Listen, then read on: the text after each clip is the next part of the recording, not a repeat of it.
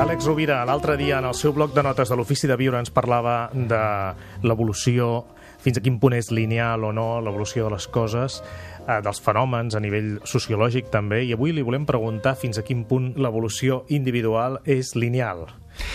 A la Què tal? Benvingut, molt bé, Àlex. Gaspar, molt bé, com sempre, una alegria estar amb tu i amb tots els amigues i amics. Um, L'evolució a la natura, fixem-nos que no és lineal. A la primavera, sobtadament, en qüestió de, de dues setmanes, els arbres multipliquen la seva escorça, es produeix una, un, un naixement d'una vivacitat extraordinària amb les fulles, les flors emergeixen, els mosquits surten i s'explota la vida d'una manera exponencial, milionària, no? El pol·len, tot, tot, tot, tot neix. I a la tardor passa el mateix.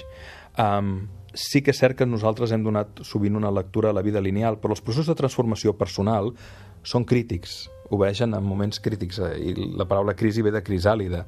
Una crisàlida no té un, una mutació lineal. Hi ha un cuc que fa un procés de- d'encapsulació i després emergeix una papallona, una forma de vida totalment diferent i, ina- i, i inesperada si no sapiguéssim el que passa d'entrada, no?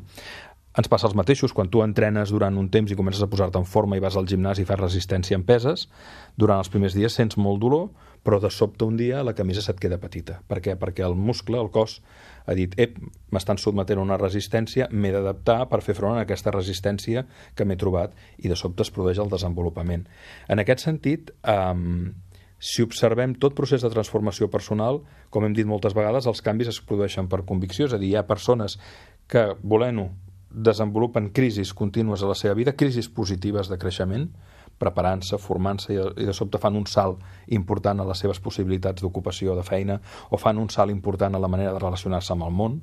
Quan tu aprens un idioma i l'has integrat, de sobte fas un salt, perquè la possibilitat d'entendre't amb milions de persones que el parlen no ha sigut una trajectòria lineal. Quan tu incorpores una habilitat d'un coneixement cognitiu, emocional o operatiu i l'integres, de sobte s'obren unes portes immenses de possibilitats que abans no tenies perquè aquella habilitat és una clau que t'obre la porta a un nou eh, paisatge completament diferent. En aquest sentit, eh, la capacitat de deixar-nos fluir per la vida i a la vegada saber-la acompanyar en un procés de preparació, d'apertura de consciència, de flexibilitat, d'humilitat, ens posa, ens obre moltes possibilitats. Tornem a el que dèiem feia uns programes, no? El voler viure amb una certesa inconscient, amb una rigidesa, amb un control total, ens inhibeix realment de la transformació. Per tant, quan ho veiem, quan en política algú vol imposar d'una manera molt rígida una manera de fer i te la imposen, a la llarga allò és vençut necessàriament des d'una força serena. Morihei Ueshiba, creador de l'Aikido, eh, és un exemple perfecte d'això, no?